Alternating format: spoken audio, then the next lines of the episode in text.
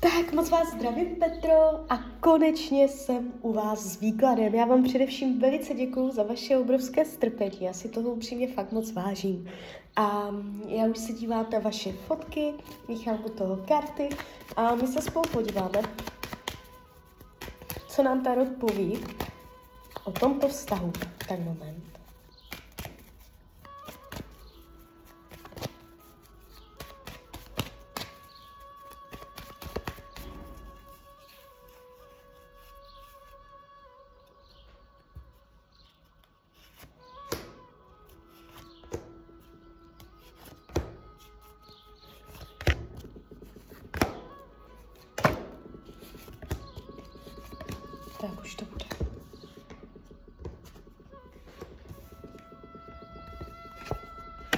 Jej, danenky.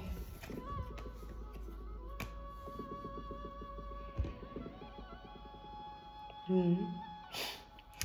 Ta krátkodoba je tady taková náročná. Tady se ukazuje milostný trojuhelník, je to možné?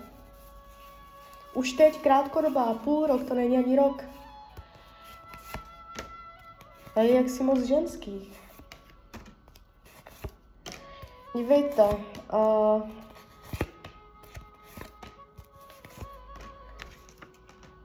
ještě, ještě spolu budete. Já tady nevidím definitivní rozdělení, nevidím tady definitivní rozchod, že byste to definitivně ukončili, už spolu nebyli tlustá čára, jo. Uh, vám se tady v půl roku, to může být klidně přes léto, podzim, zima už je pozdě, tak tam se stane nějaký milostný trojuhelník, něco prostě tam je. A je to ženská, jo. Uh, tady nejde vidět, jestli to vyloženě bude sex, nevěra nebo to. Ono to může být jenom, že k sobě budou mít blízko, jo. Uh, ale i z té jako ta zavírací energie, ani tady nejde vidět rozchod. Takže ono se to bude tak jako všelijak řešit, bude to chaotické, chaotické, já tady vidím, jak se trápíte, jak plačete, uh, ale on asi dojde s nějakou nabídkou a ještě o vás projeví zájem.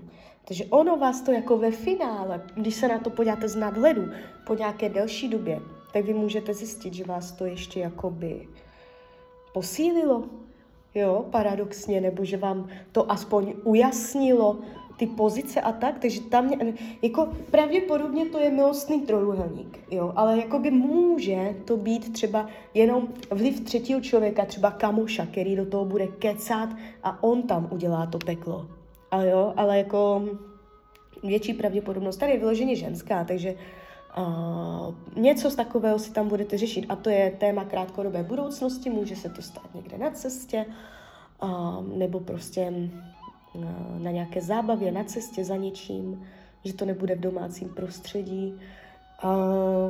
Je tady zraněné srdce, je tady ublížení, zklamání, bolest, zpráva, která raní, takže toto všecko vás tam teprve čeká. Ale přes to všecko, co já tady vidím, tak já tady vidím jenom ty vaše starosti, Vidím, jak to bude chaotické, jak budete nacházet prostě nějaké řešení, východisko, cestu. Uh, bude to zmatečné, budete se v tom snažit zorientovat, jo. Uh, ale jako ten rozchod tady vidět zatím není v celém výkladu.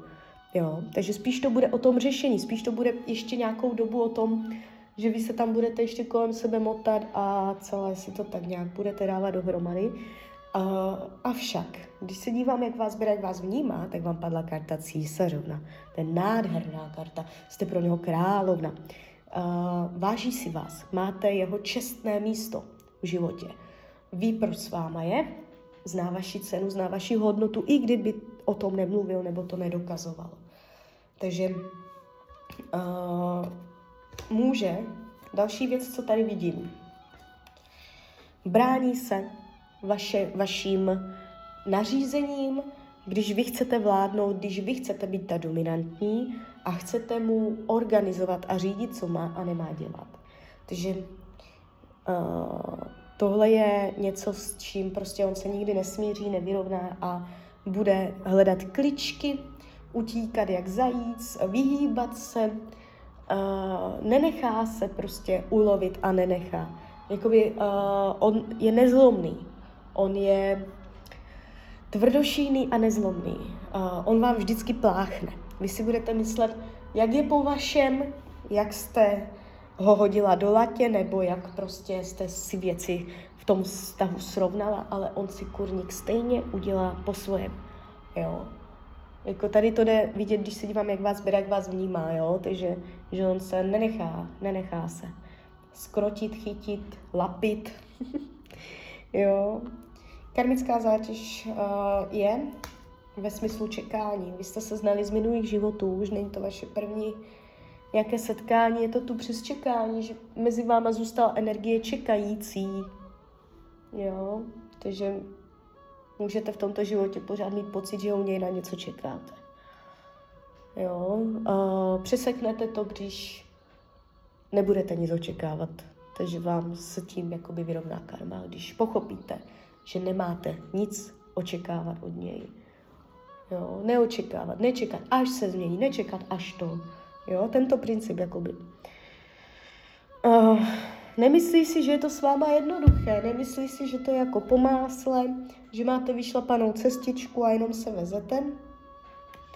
Ukazuje se, jako jak on si myslí, jak má moc břemena na zádech, jak, jak tvrdě dře v tom vztahu, jak je pod náporem, jak jako musí zdolávat jo, ty překážky. Takže je tady z jeho strany trošku vidět energie, že je to těžké pro něj. Co je pro něj důležité, co potřebuje? Aby jste jakoby vyrovnala tu energii komunikace. Ono se ukazuje, že na jednu stranu on k sobě potřebuje ženskou, která jako fakt vede pevnou rukou. To je zajímavé, protože tady se ukazuje, uh, že mu to vadí, že se nenechá jako takto a na druhou stranu on to ale potřebuje. jo, uh, že uh, takže je to takový zvláštní paradox, který je ale u něj, jo, že vlastně on nechce, aby žena jako řídila, rozhodovala, ale zároveň s jeho povahou, jakou on má, je to prostě něco, co on na sebe stejně vždycky přitáhne a uh, jenom jakoby otázka času, kdy on pochopí, že je to pro něj přirozené, v souladu. I když čím více tomu bude bránit, tak tím víc pochopí, že k sobě potřebuje ženu, která vede, která řídí, která umí dělat rozhodnutí. Jo? Takže nějaké to uh, pozor na sekírování, pozor na kritizování.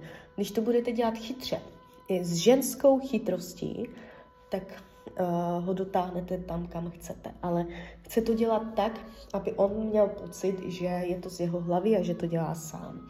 Ale chce se od vás to řízení, chce se po vás to rozhodování. Jo? To ne, že ne. Uh, vyhýbá, vyhýbá se tomu, aby stál na místě v nějakém pohodlí, nechce usnout na vavřínech, nechce stát na místě v nějaké svojí jakoby iluzivní uh, představě klidu.